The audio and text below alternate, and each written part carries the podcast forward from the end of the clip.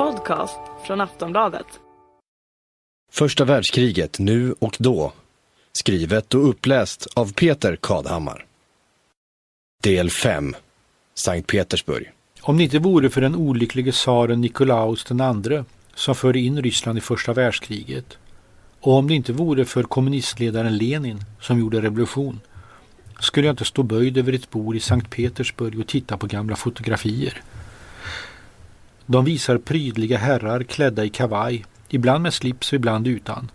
Ofta ler de. Tatjana Morgatjova i människorättsorganisationen Memorial lägger ut bilderna, den ena efter de andra. De föreställer medlemmar i Dövstummas förening i dåvarande Leningrad. Dessa herrar har för länge sedan försvunnit in i det förflutnas anonymitet. Knappast någon minns deras ansikten längre eller kan erinra sig deras namn. Ändå markerar de en viktig vändning i världshistorien. Dövstummas förening var den sista oberoende organisationen i det kommunistiska Sovjetunionen. När den upplöstes, dess teater och sportavdelning stängdes, medlemmarna fängslades eller avrättades, var den totalitära staten slutgiltigt etablerad. Bilderna är fotostatkopior ur den sovjetiska säkerhetspolisens arkiv. Tatjana Morgatjova är ömsint med fotografierna. En gest av aktning för dessa mäns komplett meningslösa död. Två omständigheter gjorde dem ytterligt suspekta i de lokala myndigheternas ögon. 1. De hade ett eget språk, teckenspråket. 2. De sålde vykort. År 1937 när den sovjetiske diktatorn Josef Stalin inledde sin stora våg av utrensningar var dessa två omständigheter tillräckliga för att rendera dödsdomar med omedelbar verkställighet. 1900-talet var totalitarismens århundrade och det var en direkt följd av det första världskriget. Totalitarism innebär att staten försöker ta kontroll över alla aspekter av samhällslivet. Politiken, ekonomin, utbildningen, kulturen, familjelivet och till och med medborgarnas tankar. En totalitär stat är en superdiktatur. Det började med den kommunistiska oktoberrevolutionen i Sankt Petersburg 1917. Revolutionen bröt ut på grund av Rysslands katastrofala deltagande i världskriget med ekonomiskt och politiskt sammanbrott som följd. Det underutvecklade Ryssland blev den kommunistiska Sovjetunionen. Andra totalitära stater följde. Det fascistiska Italien, det nazistiska Tyskland, det kommunistiska Kina och Östeuropa. Nordkorea. Det är en smaksak och intellektuell lek att spika ögonblicket då totalitarismen föddes. Innan jag träffar Tatjana Morgatjova besöker jag museet över Rysslands politiska historia. Förr kallades det Revolutionsmuseet och var tillägnat kommunistpartiet. Det är inrättat i ballerinan Matilda Kresinskajas stora jugendvilla i gult tegel.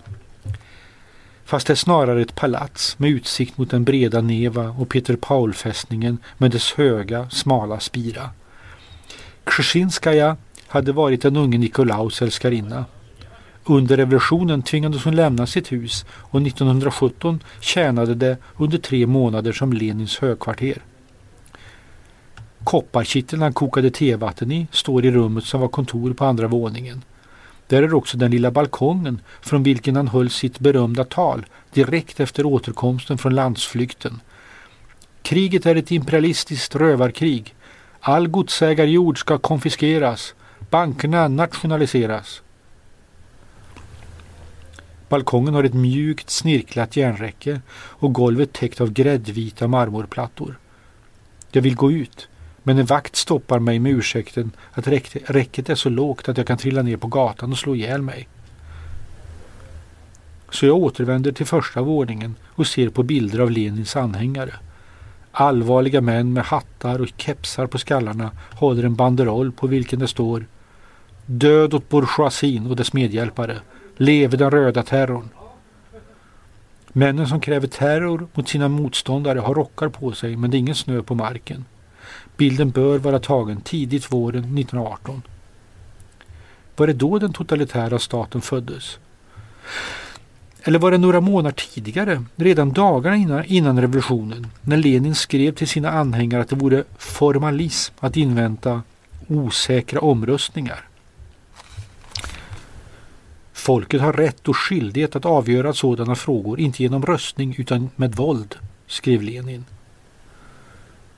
Eller var det när kommunistpartiets ledning den 20 december 1917 beslutade att bilda den hemliga Tjekan, den hemliga polisen, som skulle förhindra antirevolutionära brott?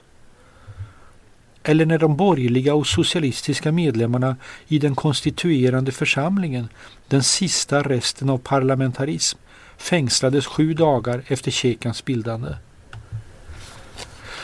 Jag får hem till Ilja Ratkovskij professor vid Historiska institutet vid Leningrads universitet. Han bor i ett hyreshus från Sovjettiden långt nere i de sydvästra förorterna, så nära Finska viken att man känner doften från havet. Ratkovskis lägenhet är mörk, rörig och trivsam med böcker i vardagsrummet och hallen. Hans son och dotter jagar varandra fram och tillbaka genom rummen medan vi sitter vid köksbordet och pratar. Den totalitära staten infördes steg för steg, säger han. Det, det, första steget togs när regeringen 1918 flyttade från Sankt Petersburg och gjorde Moskva till huvudstad. Då fjärmade sig kommunisterna från den arbetarrörelse i Sankt Petersburg som hade fört dem till makten. Ett annat steg var när fackföreningarna inte tilläts vara oberoende. Ett tredje var tvångskollektiviseringen av jordbruket. Varför blev 1900-talet superdiktaturernas århundrade? Därför att staten för första gången kunde behärska hela samhället, säger Ratkovski. Den nya tekniken och de moderna kommunikationerna gjorde det möjligt att kontrollera de mest avlägsna byar och landsändar. Det var omöjligt under exempelvis Ivan den förskräckliges tid på 1500-talet.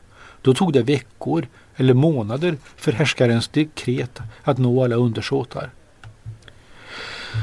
På 1900-talet spreds en order ögonblickligen genom telegraf, radio och telefon. Polis och militär kunde förflyttas med järnväg, bil och flygplan. Det fanns inte längre några frizoner. Det ofattbara dödandet under första världskriget minskade värdet på människoliv. Det industriella dödandet gjorde entré i människornas medvetanden samtidigt som de förlorade tron på demokratin om de alls visste vad det var. Och kyrkan miste sin auktoritet. Fältet var öppet för nya läror som lovade entydiga sanningar och ett lyckligt liv för alla, så småningom. Den totalitära staten mördar sina motståndare. Men man kan också säga att den logiska slutpunkten är att staten förklarar sina motståndare för galna. För om det bara finns en enda sanning, ett sätt att betrakta världen, måste ju den som har en avvikande uppfattning vara tokig. Alexander Skobov, 56, kallad Sasha av sina vänner, var en sån galning. Som student vid Leningrads universitet på 1970-talet grubblade han över glappet mellan kommunistpartiets propaganda och verkligheten. Man talade om demokrati men det var diktatur. Man talade om välstånd men det var köer till mataffärerna. Man talade om framsteg men samhället stod stilla. Så Skobov och några kamrater till honom försökte analysera samhället med det enda verktyg de kände till, marxismen och med hjälp av Marx kom de fram till att en ny klass av byråkrater hade tillskansat sig makten och lagt beslag på samhällets tillgångar. Nu sitter han på en uteservering och suger på sin pipa. Skobov är en ganska rufsig karl med stort skägg och långt hår i en krans runt flinten. Pipröken står som ett moln omkring honom. Mm. Vi ville visa att Sovjet inte var ett sant socialistiskt samhälle, säger han. De unga studenterna grundade en underjordisk tidskrift, Perspektiv. Den som hade skrivmaskin skrev ut tidningen på tunna blad med karbonpapper emellan. Det var det enda sättet att producera oppositionella skrifter. Texten blev otydligare för varje lager karbonpapper men om man hamrade på hårt kunde man framställa sju exemplar åt gången. Perspektiv kom ut med två nummer, vardera med en upplaga på 10 till 12 exemplar. Därefter grep säkerhetspolisen Skobov och hans kamrater. En dömdes till sju år i läger, andra fick kortare fängelsestraff. Alexander Skobov dömdes efter ett halvår i häkte till sluten psykiatrisk vård. Han var 21 år gammal. Att sätta oliktänkande på mentalsjukhus var vanligt i slutet av Sovjetepoken. Psykopati löd Alexander Skobovs diagnos. Sedan ändrades den till paranoid psykopati. Han placerades på isoleringsavdelning tillsammans med män som var mentala grönsaker och andra som bara var lätt störda och kroniska alkoholister som brukade sitta 14, 40 dagar innan de släpptes ut för att strax återkomma för en ny vända. Jag hade tur för de tvingade inte på mig så smärtsamma mediciner, säger Skobov. Efter tre och ett halvt år släpptes han. Då pågick revolutionen i Polen där den fria fackföreningen Solidaritet krävde demokrati. Skobov spred flygblad om solidaritet. Han greps igen. Samma procedur. Häkte, mentalsjukhus. Han släpptes 1987 efter att kommunistpartiets reformator Mikhail Gorbatjov kommit till makten. Då hade Alexander Skobo suttit sammanlagt sju och ett halvt år på mentalsjukhus. Han arbetar nu som historielärare på gymnasieskola. Jag frågar Var det värt det? Han svarar Naturligtvis. Att döma ut sina motståndare som sinnessjuka var den naturliga slutpunkten för det totalitära samhället. Men jag vill ändå betrakta Dövstummas förening i Leningrad som symbolen för det tragikomiska i ett land där staten inte lämnade någon i fred. Den ville ha kontroll över allt, över minsta ekonomiska transaktion, över minsta åsikt, över alla rörelser. Polisen spionerade på medborgarna och medborgarna spionerade på varandra. Sålunda var de dövstummas ordförande Erich Totmanin även informatör åt polisen. Och när Stalins utrensningar inleddes med full kraft 1937 fann denne Totmanin det för säkrast att informera polisen om att vissa av hans medlemmar ägnade sig åt spekulation. Visserligen var det tradition att dövstumma handlade med vykort. Det var ett sätt för dem att tjäna pengar. Så var det före kommunismen och så var det efter. Men år 1937 var privat handel med vykort liktydigt med olaglig spekulation och svarta börshandel. Så polisen, polisens ekonomiska rotel gjorde husrannsakan hos medlemmarna i Dövstummas förening. Poliserna hittade några vykort med Adolf Hitlers porträtt. Det var 1937 då Hitler stod på höjden av sin makt i Tyskland. Då kopplade säkerhetspolisen in. Uppenbarligen var Dövstummas förening en nazistisk sammansvärjning och spioncentral. En efter en greps de dövstumma. Förhören var ganska besvärliga men polisen hade två tolkar. Och det var lätt att få dem att ange varandra. X gav mig vykort. Jag sålde vykort tillsammans med Y. Ordföranden Erich Totmanin greps han också och avrättades med ett trettiotal andra. Cirka 20 sattes i fängelse. Sedan gick det som det brukade under Stalins utrensningar. Säkerhetspolisens utredare greps, liksom de bägge medhjälparna som hade tolkat till teckenspråk. Systemet slukade sina egna. Tatjana Morgatjova räknar upp några föreningar som förintades innan turen slutgiltigt kom till de dövstumma. Operavännernas sällskap, Filosofiska förbundet, Föreningen för politiska fångar under tsarismen, Kosmiska akademin som ville sammanföra all vetenskap till en enhet, Skönlitterära föreningen, Esperantoföreningen. Den sistnämnda ansågs av Säkerhetspolisen särskilt farlig eftersom esperanto är ett eget språk. Dess medlemmar har därför möjlighet att tala med varandra utan att den som smyglyssnar kan förstå. De miljoner som mördades och fängslades under kommunismen blir en abstraktion. De är omöjliga att föreställa sig. Men när man hör om operavännerna och de dövstumma förstår man hur den totalitära staten fungerar. Morgatjovas uppräkning är en redovisning för hur det civila samhället tillintetgjordes. Sovjetiska kommunismen är den hittills mest långlivade superdiktaturen. Den varade i ungefär 70 år.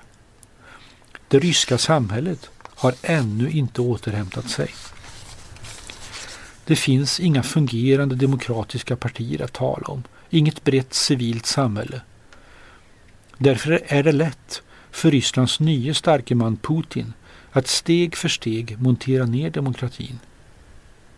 De stora medierna är propagandaorgan för regimen. En oberoende organisation som Memorial får bidrag från utländska stiftelser och ska därför enligt lag registrera sig som utländsk agent. Det tydligaste arvet efter Sovjetunionen är allmänhetens stöd till myndigheterna, säger Tatjana Morgatjova. Vad de än gör så ger medborgarna sitt stöd. Krim tillhör oss, säger regeringen. Medborgarna hurrar. De hurrar istället för att se samhällets verkliga problem, vad regimen gör med massmedia, sjunkande löner för läkare och sjukvårdspersonal. Så säger Tatjana Morgatjova. Så har staden där ryska revolutionen började gått varvet runt. Den hette Petersburg när första världskriget bröt ut, fick det patriotiskt ryska namnet Petrograd under kriget, döptes efter revolutionen om till Leningrad och heter nu Petersburg igen. Arvet efter det som började då för hundra år sedan kommer staden att få leva med länge än. Du har hört del 5 av första världskriget nu och då av och med Peter Kadhammar.